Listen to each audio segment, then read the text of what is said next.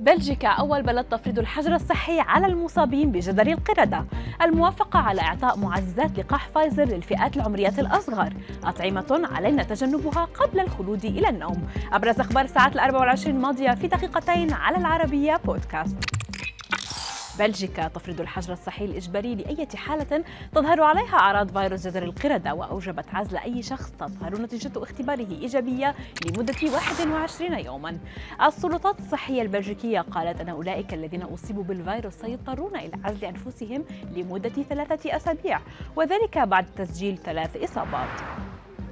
وبذلك تصبح بلجيكا أول دولة تطبق الحجر الصحي الإجباري لمدة 21 يوما ضد فيروس جدر القردة بعد تأكيد 14 دولة حتى الآن تفشي المرض بها. تسجل المملكة المتحدة إصابات يومية جديدة بجدر القردة على ما أعلنت مسؤولة بوكالة الأمن الصحي في البلاد. وأشارت إلى أن الغالبية العظمى من الإصابات المسجلة حتى الآن في المملكة المتحدة تتماثل للشفاء من تلقاء نفسها لافتة إلى أن جدر القردة مرض معد جديد ينتشر في مجتمعنا مع مصابين لم يخالطوا قط أي شخص قادم من غرب إفريقيا حيث كان المرض موجودا في السابق. منحت إدارة الغذاء والدواء الأمريكية الضوء الأخضر لإعطاء معززات لقاح فايزر للأطفال الذين تتراوح أعمارهم بين الخمس سنوات والأحد عشر عاما معترفة بأنه في حين أن كوفيد 19 يميل إلى أن يكون أقل حدة عند الأطفال من البالغين أدى متغير أوميكرون الخاص بالفيروس إلى إصابة المزيد من الأطفال بالمرض وإدخالهم المستشفى. تسمح الإدارة باستخدام جرعة معززة واحدة من لقاح فايزر للأطفال من سن الخامسة إلى الحادي عشر عاما لتوفير حماية مستمرة.